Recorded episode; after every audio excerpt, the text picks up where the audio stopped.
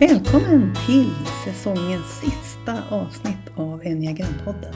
Det är också vårt tjugonde avsnitt, så det är lite ja, jämn födelsedag så här. Det här avsnittet blir det tredje i serien om olika ledarstilar. Helt enkelt hur vi uttrycker vår strategi när vi är ledare. Och idag kommer vi att intervjua två personer som är ledare i sina arbeten och eh, om hur de ser på ledarskap och hur de kan se att deras strategi spelar in i sitt ledarskap. Det är Åse Gersvind från Trafikkontoret Stockholm som har strategi 4 och Robert Fredell från Svensk Ventilationsservice som har strategi 3. Så hoppas ni får mycket matnyttigt ur dessa samtal. Jag vill också passa på att säga att eh, vill du veta vad som händer hos oss efter sommaren så kan du titta på vårt kalendarium på vår hemsida www.enneagramcenter.se. Vi drar igång med kurser i september, förhoppningsvis IRL i våra vanliga lokaler. Och vi kommer också ha en del öppna föreläsningar och workshops både digitalt och eh, IRL. Så vi ser fram emot att träffa dig efter sommaren. Ha en fin sommar nu!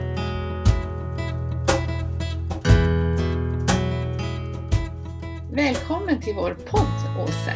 Jättekul att du vill vara med på den här intervjun eh, där vi ska fråga, ha lite frågor och prata om olika ledarstilar. Mm. Jag tänkte om du börjar med att presentera vem du är. Mm, det ska jag göra. Um, tack för välkomnandet. Känns jättekul också att få vara med. Eh, så jag heter Åsa Gersvind och jag arbetar som enhetschef på ett nämndsekretariat som är placerat på Trafikkontoret i Stockholms stad. Kul. Och vi har också då jobbat med dig och ditt team under ett antal år. Jag kommer inte ihåg. Ja, ja men alltså det är flera år. Jag kommer inte, nu, det borde jag kanske ha kollat upp, men jag tror att det är fem, sex år i alla fall där vi återkommande har använt enneagrammet för att eh, ja, men få en anledning, liksom, dels få en anledning att samlas runt någonting men också för att jag upplever att verktyget är möjligt att gå på djupet på ett annat sätt ja. än många andra verktyg jag stött på. Ja, det har varit jättekul också att du har varit så uthållig och att vi också kanske kommit en gång per år och är det nyanställda så har vi fått göra analys igen och det verkligen varit, det är, väldigt, det är så kul att följa och se vad det, vad det ger så att säga. Men du, om vi ska ändå hoppa in lite på ämnet här, om du bara själv skulle säga, när vi pratar just det här om ledare och ledarskap, vad tycker du är viktiga egenskaper hos en ledare? Mm. Alltså när jag funderar så, så, så, så är det, det som dyker upp för mig, det är att vara tydlig, eh, att tydliggöra uppdraget, att tydliggöra de mål som vi har i verksamheten och att samla gruppen, att skapa förutsättningar för ett gott samarbete och liksom lägga en stabil grund för det arbete som vi ska utföra. Så mm. det, mm. det är det som framträder som starkast för mig när jag tänker på min roll som ledare. Mm. Så att tydliggöra och sen samla gruppen och, och då hur samlar man gruppen så kommer säkert andra saker då som är viktiga för att få ihop en grupp. Ja, precis. Och, där, och, det, och, och, jag menar, där är ju att jobba med er och enneagrammet är ju en sån en del av att samla gruppen. Mm. Att, att vi eh, men skapar en, en, en kultur hos oss mm. där, mm. där vi eh, men tar vara på varandras styrkor, stöttar varandras svagheter och, eller, eh, och, och liksom vet lite mer om varandra där vi kan känna att vi, vi är ett team som verkligen arbetar tillsammans och, och eh, att vi känner en gemenskap i det uppdraget som mm. vi har. Mm. Att det är viktigt för mig, att vi förstår och att vi är enade på det viset. Mm. mm. Nu tror, jag, nu tror jag, vi nämnde inte det och så de som lyssnar säkert nyfikna vilken, om du kunde säga någonting om din enagramstrategi. Och... Mm. Alltså jag, vi har ju kommit fram till mm. att jag är en fyra. Mm. Och det var ju en sån befrielse för mig att få förstå det. För jag trodde att jag var en tvåa. Och, och, och för jag, ja, det behöver vi inte gå in på, men i alla fall så, så hade jag lite tvåa-krav på mig att, att ta hand om mina medarbetare bättre på något sätt. Mm, mm. Men när jag fick gå ur det och, och fick känna att nej men jag är ju en fyra, jag är ju mycket mer självcentrerad än en tvåa. Det var så himla skönt för mig att få upptäcka det. Det gör ingenting att jag inte... ja.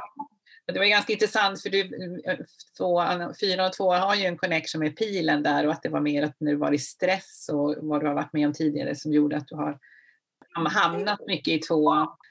Ja. Nej. Men hur använder du då styrkorna i fyran i ditt ledarskap om du ändå skulle ta upp mm. de sidorna? Ja, alltså det är så lustigt för att vi hade, eh, vi hade på vårt senaste APT så mm. hade vi en, eh, vi har på vår APT-dagordning, alltså arbetsplatsträffar, vi ses någon gång i månaden och som en punkt på dagordning så har vi enneagrammet sedan en tid mm. tillbaka för att hålla det levande i organisationen. Och då hade vi en punkt där, vi, där vi läste på om varandra och mm. så jag läste om Rakel, Rakel läste om Timmy och Timmy om Sara och Sara om mig. Och då så sa Sara det att ja, eh, Åse hon, hon har ju den här kreativiteten och jag tänkte när jag läste sa hon att sekretariatet det är ju lite unikt för att vi har ju byggt den här enheten tillsammans. Den fanns ju inte innan jag kom. Så det är ju lite Åses skapelse. Det tänkte jag på. Jag tror att sekretariatet är väldigt viktigt för Åse. Och hon slog ju huvudet på en spik. Precis som att för, för min, min, mitt jobb, min verksamhet, det ligger väldigt nära mitt hjärta. Liksom. Konstigt att det, eh, och, och jag har inte sett det förut.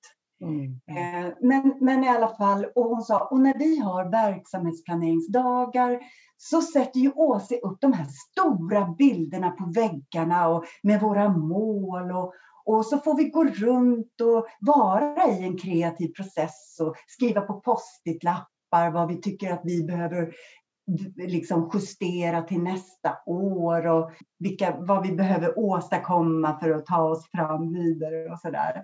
Så det var väldigt, det, jag har inte helt lätt att se mig själv alltid. Och jag blir så häpen över att mina medarbetare är så här, ja, Åse är ju en fyra. Alltså det ser vi ju.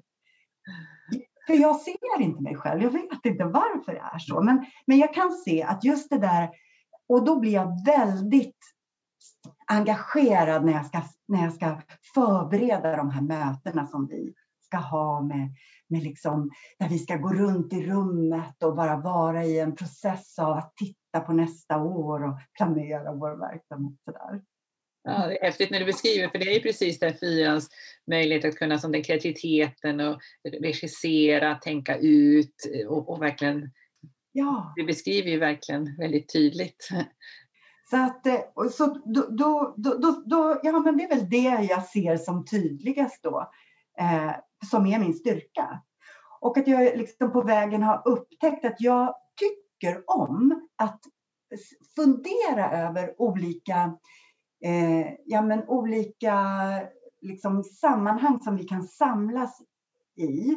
Mm. Att, eh, till exempel, jag har skapat en del workshops på trafikkontoret. Jag tycker det är jättekul att, att få vara med och, och tänka ut men hur ska vi liksom hur ska vi få de här lite perifera målen att, att liksom landa i, i, i kroppen och i verksamheten och känna att jag i mitt dagliga värv så vet jag vad jag gör för att uppnå de, liksom stadens mål. Att liksom samla ihop det där och få, och få det att kännas eh, integrerat och meningsfullt. Ja, du, du, det verkligen speglar ju kreativiteten och vi, vi säger också att det att tänka utanför boxen och ett sökande hela tiden. Hur mm. kan vi göra och att det ska vara äkta och mm. kännas meningsfullt som ligger i ändå fyrans drivkraft där, att hitta det. Mm. Ja, jättespännande och roligt att höra. Sen tänkte jag på den här att du ligger i den emotionella intelligensen. Det är ju också, hur, hur ser du styrkorna där? Ja, men alltså Ehm, jag har en tendens att se mest svagheter där, men, men, men det är klart att det inte är. Alltså jag, jag kan ju bli, alltså säga att det är både styrka och svaghet. Ja. Att jag, blir, jag, jag, jag månar ju väldigt mycket om mina medarbetare. Mm. Eh, och att det är viktigt för mig att vi, har en, att vi mår bra på jobbet, att vi har en bra, god arbetsmiljö och att vi liksom...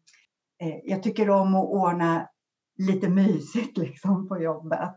Eh, om vi ska ha möten eller sådär. I alla fall då och då. Men det är väl, det är väl så jag kan se att det, det är positivt. Att det blir att jag månar om eh, medarbetarna på, på ett varmt sätt. Jag ler alltid. Jag liksom ja, nu, nu, vet jag inte riktigt hur jag ska jag tänker, säga. Man brukar säga att, eh, eh, att man har också en känsla, en intuition också. Man känner in eh, människorna också, var de befinner sig.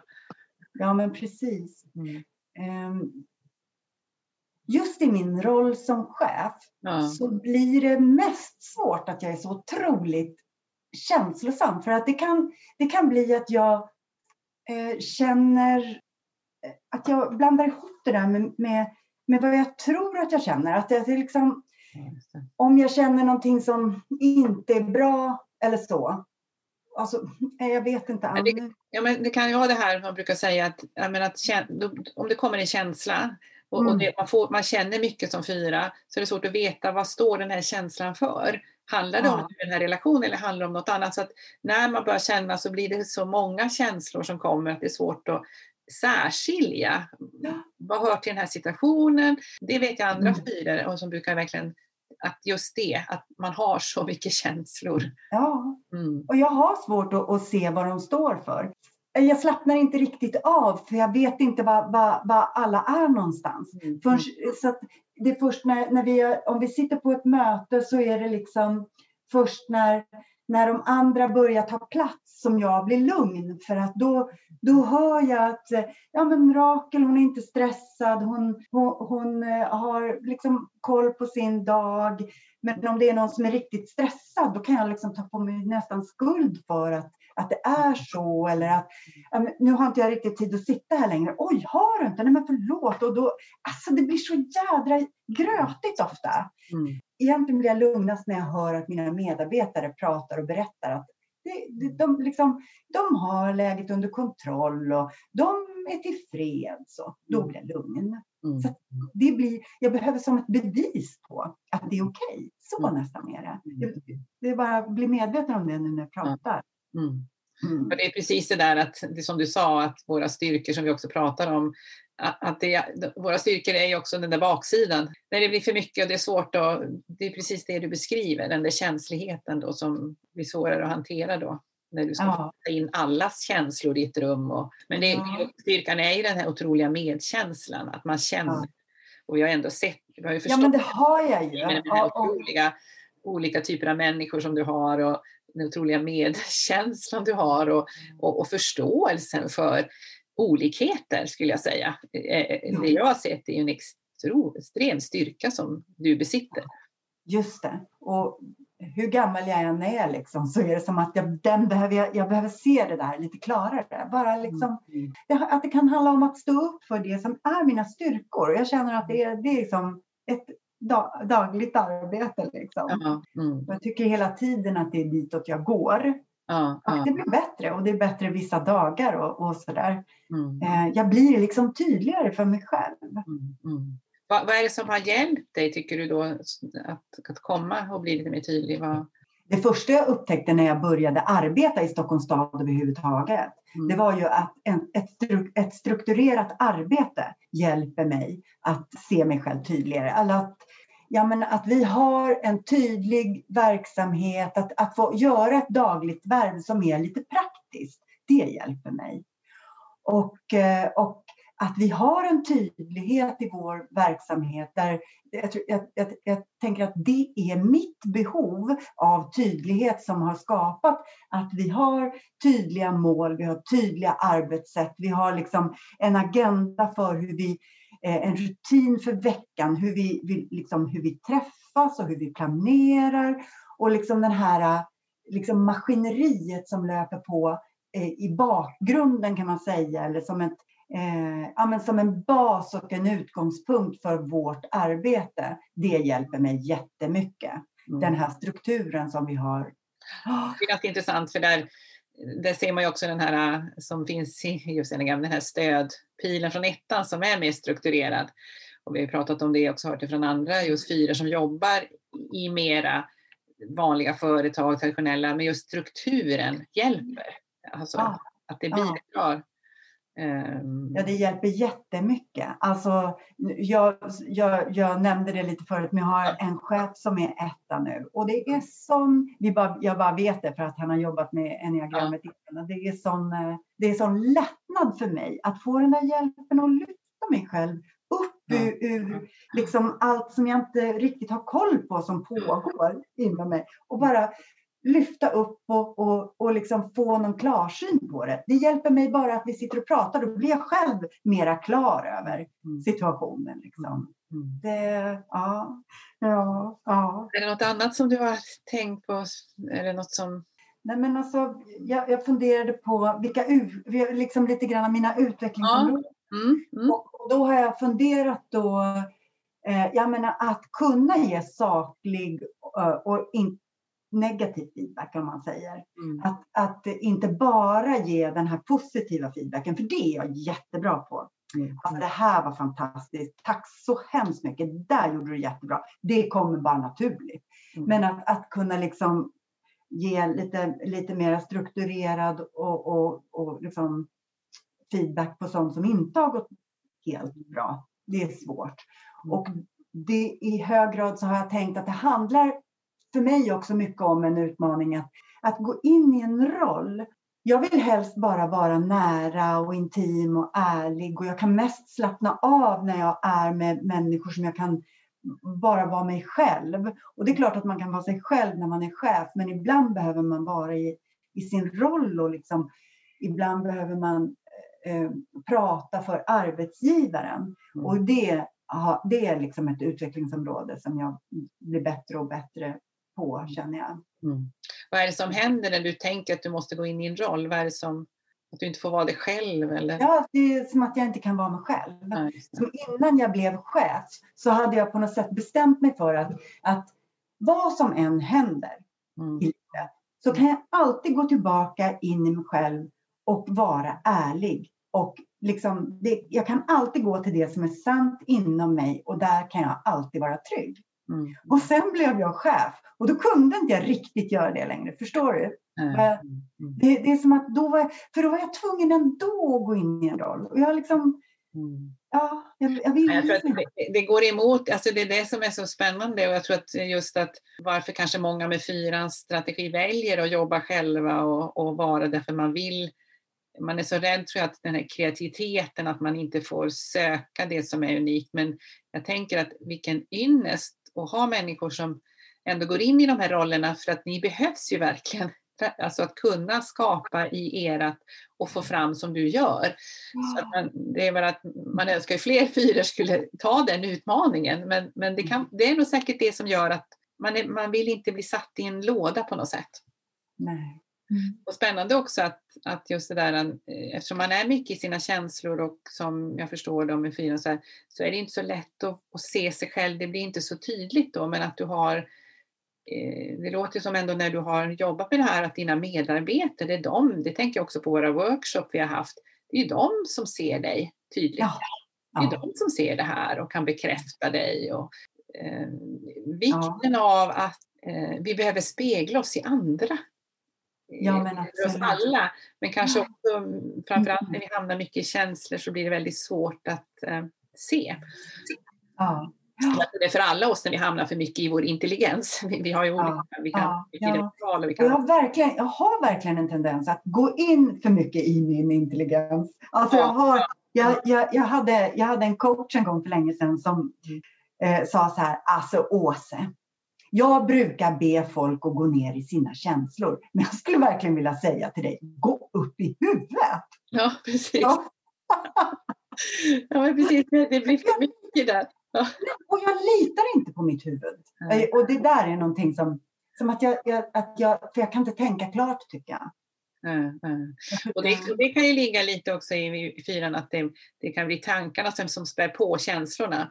Så, att, så någonstans handlar det om att det där att använda den fysiska intelligensen ihop, att göra någonting, att få in kroppen i det tillsammans ja, med andra. Jag tror att det är därför som jag är mycket bättre på att, att eh, jobba än att typ mm. Läsa. Jag är mycket bättre på att göra det praktiska arbetet. Ja, ja. jag är bättre på att skriva verksamhetsplan än vad jag är på att läsa andras verksamhetsplaner. Mm. Alltså, det är stor skillnad. Nej, det tror jag är jätte, och det är så intressant. Det är precis det där, du har känslor och tankegångar men sen så att måste agerandet göra att det blir ah. kreativa. Och det är därför du är så bra i såna miljöer där man får kreativt skapa och göra saker mm. tillsammans.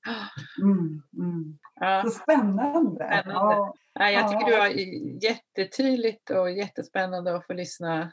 Sen är vi mycket mer i vår strategi, men ändå som ändå att hur vi använder eh, mm. vår strategi. Ja. Det är att vi använder en strategi mer och att du mm.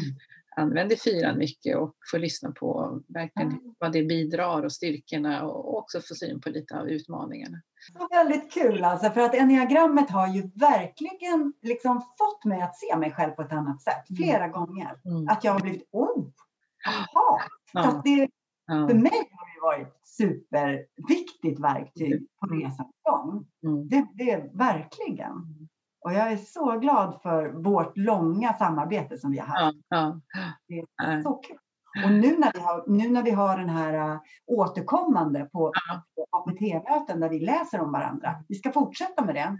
Och liksom ge, så att vi, då, det blir ju ett kontinuerligt lärande och det känns super.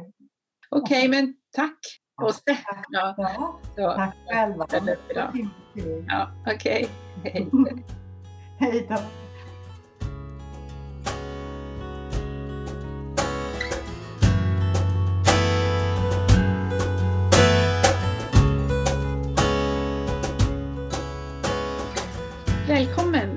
Till vår podd.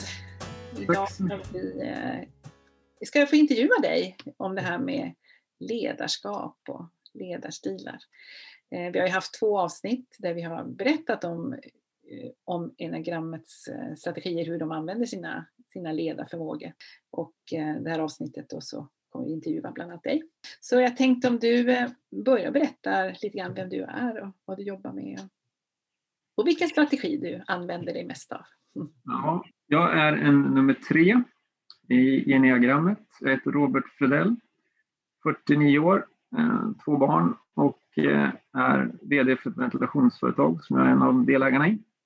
Det heter Svensk Ventilationsservice och sitter i Hammarby i Stockholm. Och vi har fått eh, förmånen att få jobba med ditt gäng också. Ja, det har vi gjort. Stämmer. Det har jättebra. Så att du är lite ändå insatt i det här med enagrammet. Men du, innan vi går in på det, bara ändå höra lite grann, vad, vad uppskattar du? Vad är bra ledaregenskaper enligt ditt sätt att se på det? Ja, bra ledaregenskaper, i, i själva ordet för mig så går det ut på att man ska leda. Ehm, så man måste ju klara av att leverera genom andra. Och då behöver man ju anpassa sig till situationer och till de man leder. Det går inte alltid att välja varken situationerna eller medarbetarna. Så um, ja, en av de mest centrala delarna som jag tycker jag sett genom åren eh, i ledarsammanhang, det är självinsikt. Att man förstår vem man är, styrkor och svagheter. Gör man inte det, då har man väldigt många gropar man kommer att trampa ner i. Mm. Bygger det på egen erfarenhet? Om jag, om jag minns rätt så har du varit ledare under ganska många år, eller? Ja, mitt första chefsjobb var 1999 och sedan dess har jag varit chef i olika former. Mm, mm.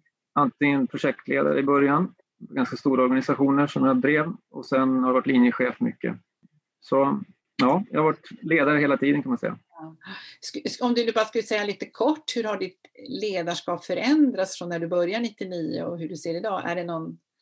Ja, den, den, en del av det är nog liksom um, sånt som man har med sig naturligt, vad man är bekväm med. Mm, mm. Så vissa saker, det tror jag liksom jag har nog gjort hela tiden, att jag fokuserar ganska mycket på människorna.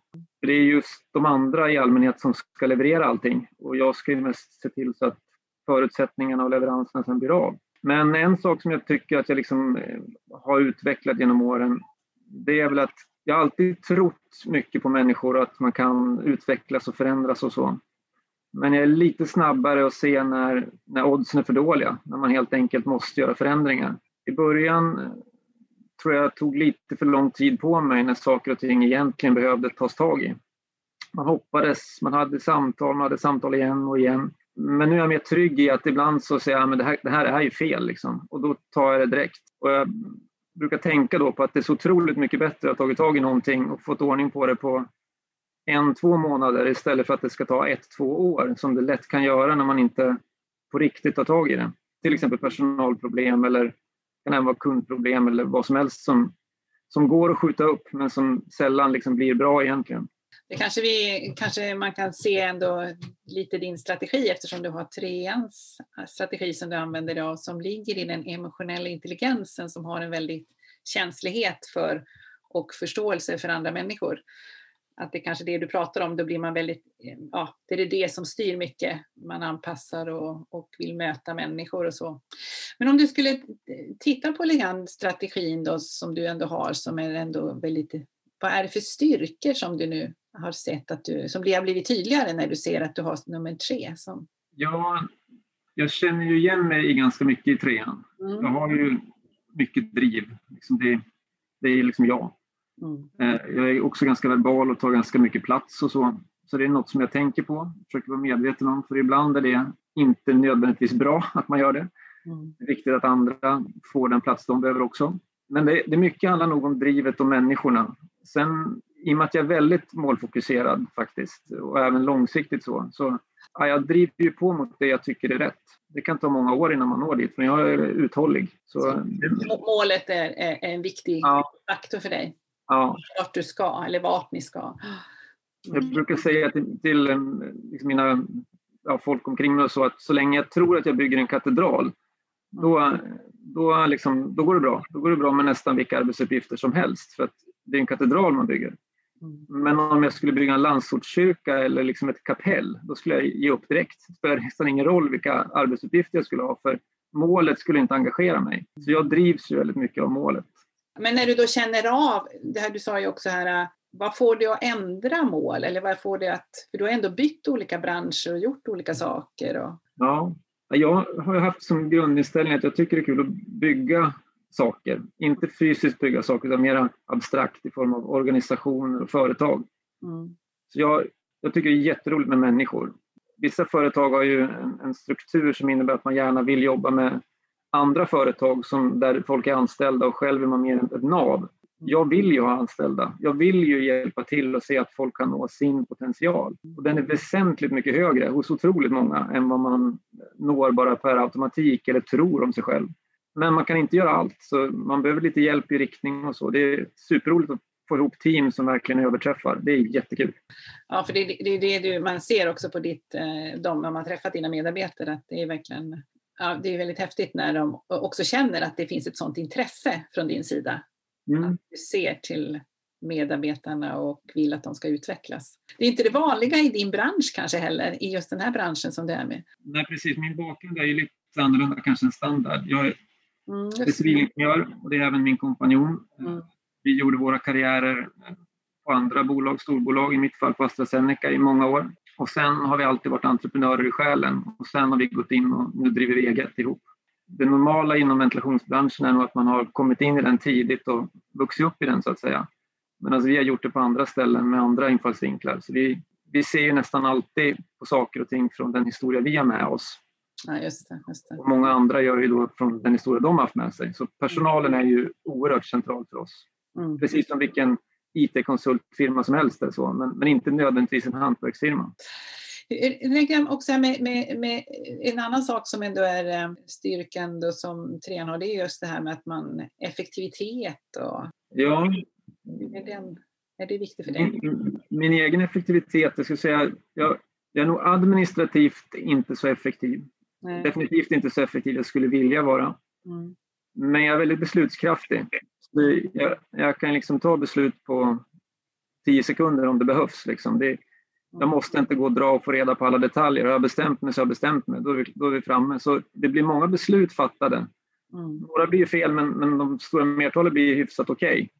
Okay. Mm. Det tror jag också är en väldigt viktig grej hos en ledare. Om, om andra behöver beslut för att komma framåt och du inte levererar det, mm. vem ska då göra det?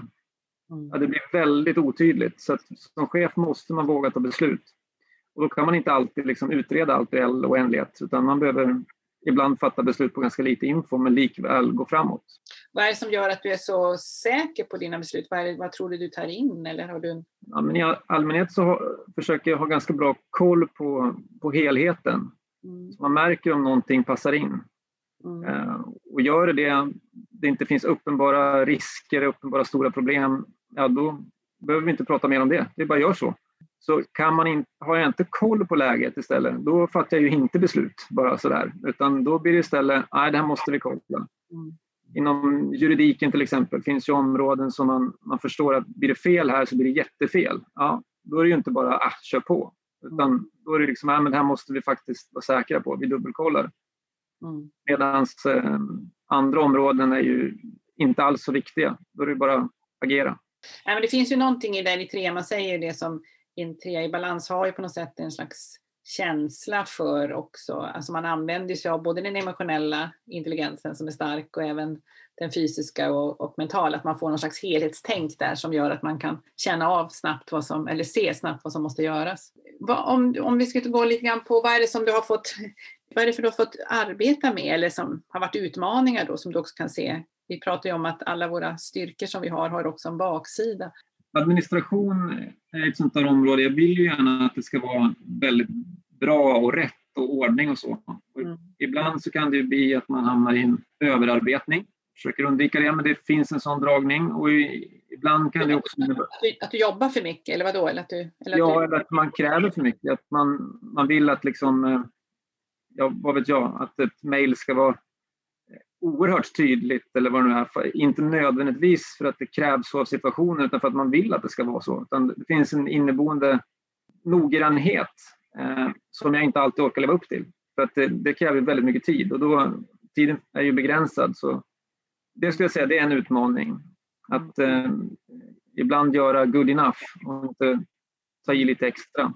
Det är uppenbart när man har mycket bollar i luften eller att ja, det händer stora saker att man måste klara av att göra good enough.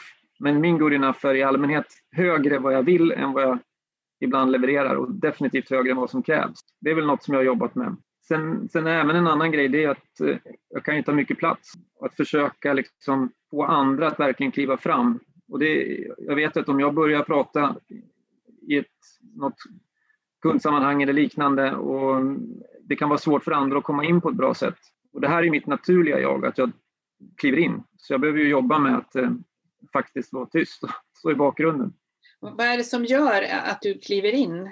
Vad jag tror, tror att det är, det är, min personlighet. Jag trivs med att vara i någon form av centrum. Men sen vill jag också bidra. Jag ser väl någonting som jag tycker att ja, men det här borde man också tänka på. Och det kanske är rätt i sak, men dynamiken i samtalet ändras som jag kliver på. Mm. Och I synnerhet när man har en formell roll.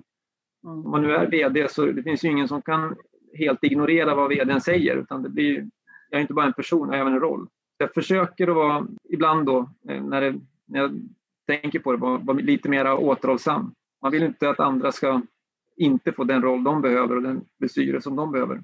För man säger ju också att eh, eftersom det är det här drivet som du pratat om, det här otroligt komma framåt och måldrivet och så, men också att, eh, också att man kan, just det att man kan vara lite snabb. Ja, det kan jag känna igen. Ja. Man pratar ju också om att, hur ser du, är du en tävlingsmänniska? Kan du se någon sån koppling? Ja, absolut. Hur kommer det in i ditt jobb? Ja, det, det, det, det är lite svårare att se. Det, det, finns ju uppenbara tävlingssituationer. Mm. Men eh, jag har väl alltid försökt prestera liksom vad jag tycker är bra, men, men mer utifrån vad jag tycker är bra än vad, vad liksom någon form av omgivning. Jag ska inte vinna över någon annan nödvändigtvis. Men jag är inte ointresserad av liksom resultatet. Det får gärna vara bra. Det får gärna synas också att det är bra. Ja, absolut. Det får det gärna göra. Men jag vill ju också vinna på mitt sätt. Det, det, man kan ju till exempel synas eh, om man håller på med sälj och drar in väldigt mycket försäljning. Mm.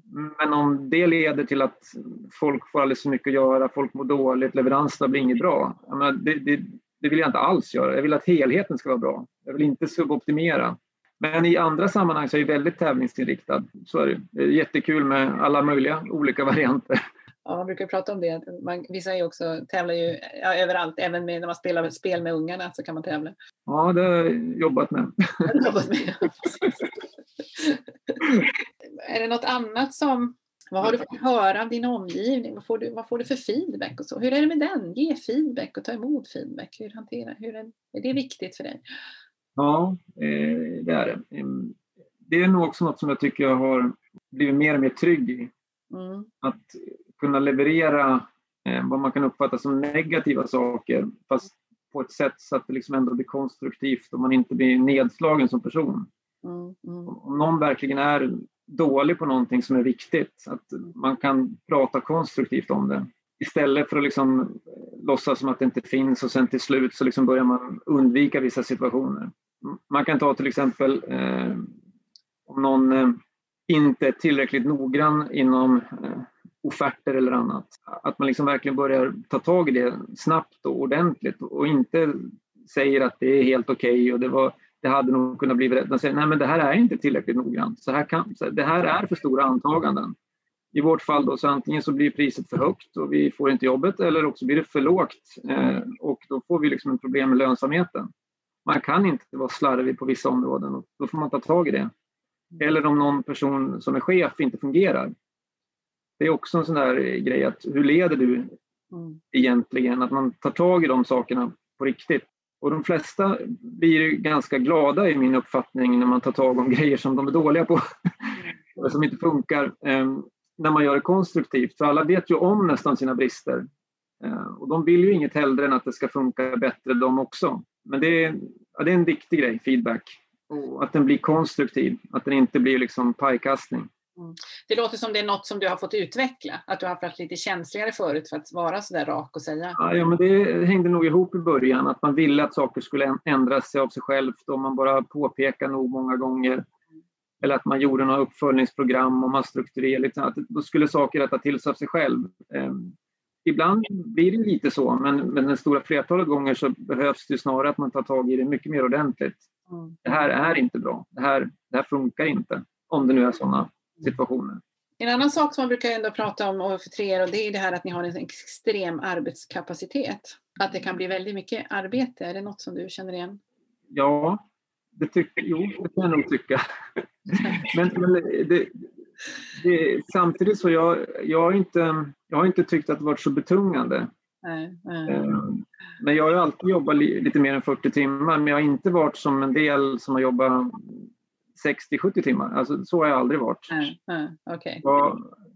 det har liksom funnits annat i livet som har pockat också. Men, men jag, jag, har en hög, jag har en hög grundkapacitet. Mm. Absolut. Mm. Vilket är en väldig tillgång. Man kan ju oftast gasa lite hårdare om det behövs. Mm. Men sen vet man ju de som har gjort det ett tag och sen så visar det sig att det höll inte och då kan man ju hamna i utmattningssituationer och sånt. Så det, mm. man får vara medveten om vad man gör. Vad man gör så. Mm. Är det något du tänker på, något annat som du tänker på som ändå du har som är viktigt? I ett perspektiv så, um, så tror jag att man, det, min uppfattning är att en ledare som signalerar lugn och i viss mån trygghet, mm. Eh, det, det, är otroligt bra för en organisation. Mm. En, anledning är, en anledning är att man sitter på ett informationsövertag normalt sett, så om man själv verkar eh, ja, ofokuserad och liksom stressad och sådär. Så um, det skickar ju liksom en signal neråt att saker och ting kanske inte är bra och sådär. Så jag tror att det är väldigt viktigt att om man hamnar i en väldigt pressad situation att ändå liksom ge sig själv möjlighet att signalera ett visst lugn utåt för att det, det påverkar hela organisationen. Mm. Har du förmåga att, att kunna visa ett lugn fastän du är stressad inuti, tror du? Ja, ja, det tror jag att jag har. Ehm, det brukar jag kunna få som feedback. Mm. Samtidigt så, vet jag ju också att när det har varit väldigt mycket några gånger så då har det ju också synts på mig. Men i allmänhet så, så brukar jag försöka vara ganska lugn. Ja, men det, det kan ju finnas sånt som tycker annorlunda, men jag har fått det som feedback flera gånger så jag, det, tror jag, det, det tror jag att jag har. Mm, mm. Man pratar ju också om det här med att trean har en förmåga att kunna stänga av sina känslor när det behövs. Alltså förstår att man man lägger dem åt sidan och nu är det det här som gäller? Och... Ja, eh, det finns nog ett mått av det. Ehm, att ehm, när man går in i att man tittar väldigt mycket sak då, men för mig så är inte sak bara sak. Sak är hela alltihopa, inklusive personen. Mm. Om man tar ett, att man har någonting som man ska försöka förändra eller om man tar ett, ett samtal som är jobbigt, man ska säga upp någon till exempel. Mm. Det är ju skitjobbigt, mm. men eh, det är ju som det är. Man kan ju inte låta bli. Mm. Så man måste, måste göra det. Mm. Mm. Och då, då förstår jag ju att det är liksom skitjobbigt att höra alltihopa så, men jag, jag, det är det här vi måste göra, så nu gör vi det här. Mm. Och där kan det nog vara någon form av eh, stänga av som en del i liksom hanteringen av situationen. Men du, du har ändå nu, vi har ändå jobbat lite med, med dina medarbetare. Vad tycker du, vad har, det, vad har du sett? Har, hur, vad har det varit för effekt av att dina medarbetare har fått lite också koll på sina strategier? Och, är det något du ser? Ja, men det, jag tycker det, det, det har varit en väldig tillgång för ledningsgruppen och även ytterligare några individer, men, men framförallt ledningsgruppen, att vi har fått ett mer gemensamt språk. Mm. Vi har fått eh, förståelse för det här med, med styrkor och svagheter. Det, det, är väldigt lätt att man hamnar i att man att någon är dålig eller bra på saker. Medan när man diskuterar från en synpunkt så är det mer att man, man har styrkor och svagheter. Mm. Otroligt mycket enklare att prata om. Mm. Mm. Så eh, jag tycker ledningsgruppen har haft mycket mer dynamik. Vi förstår varandra, varför man har vissa ingångar i vissa diskussioner. Jag har två stycken sexor som jag jobbar väldigt mycket med. Och, och det, jag förstår ju var de kommer ifrån. När de liksom, den här osäkerheten och de, ja men vi ska nog tänka en gång till och ja men jag behöver sova på det här. Jag behöver aldrig sova på någonting nästan. Jag har ju redan bestämt mig. Mm. Men, men, men eh, medan andra de behöver sova på nästan allt för att det, deras beslutsprocess är sådan. Och då ger vi varandra mera liksom, eh, möjlighet att vara den man är. Att, ja, men då, det är klart de får, jag pressar ju inte dem till beslut där och då. Mm. Och de, eh, och de gör ju samma sak mot mig på mina områden. Ja, och kanske kan lita mer på dina beslut. Ja, vi, ja, ja, precis. Nu är det läge faktiskt att fatta beslut. Då, då gör vi det också. Gör vi det. Ja. Språket och självinsikten hos personerna, att vi hittar ett sätt att prata med varandra, det, det har varit en stor grej. Mm, mm. I ena situationen så, så, är ju liksom det som är min styrka, det är ju en, en riktig svaghet för helheten. Jag är typ för snabb ibland. Mm. Eh, å andra sidan så är deras styrkor eh, också de det går för långsamt i något läge. Det, det, och vad vi har hittat då det är istället att vi uppskattar varandra. Mm. Jag förstår att de vissa sammanhang eh, innebär en, en, tydlig förbättring av kvaliteten på besluten. Mm. Och de förstår ju också att den här framdriften och energin som behövs för att det ska hända grejer, den är också viktig. Mm. mm. Så det är mycket mer att vi kompletterar varandra än vad jag tror vi hade lyckats med utan enneagram. Vi, vi hade behövt liksom mycket mera omvägar för att komma framåt. Mm. Roligt att höra. Mm. Mm. Men du, ja. jag tackar dig Robert för att du har, har fått intervjua dig. Och, ja, eh, tack, tack så mycket. Det har varit jobba vidare som vi ska göra. Vi har någon ja. där om några veckor tillsammans igen. Ja, mm. kul. Mm. Det var vad vi hade att bjuda på den här gången. Hoppas du har en riktigt härlig sommar så kommer vi att återkomma med nya avsnitt när hösten närmar sig.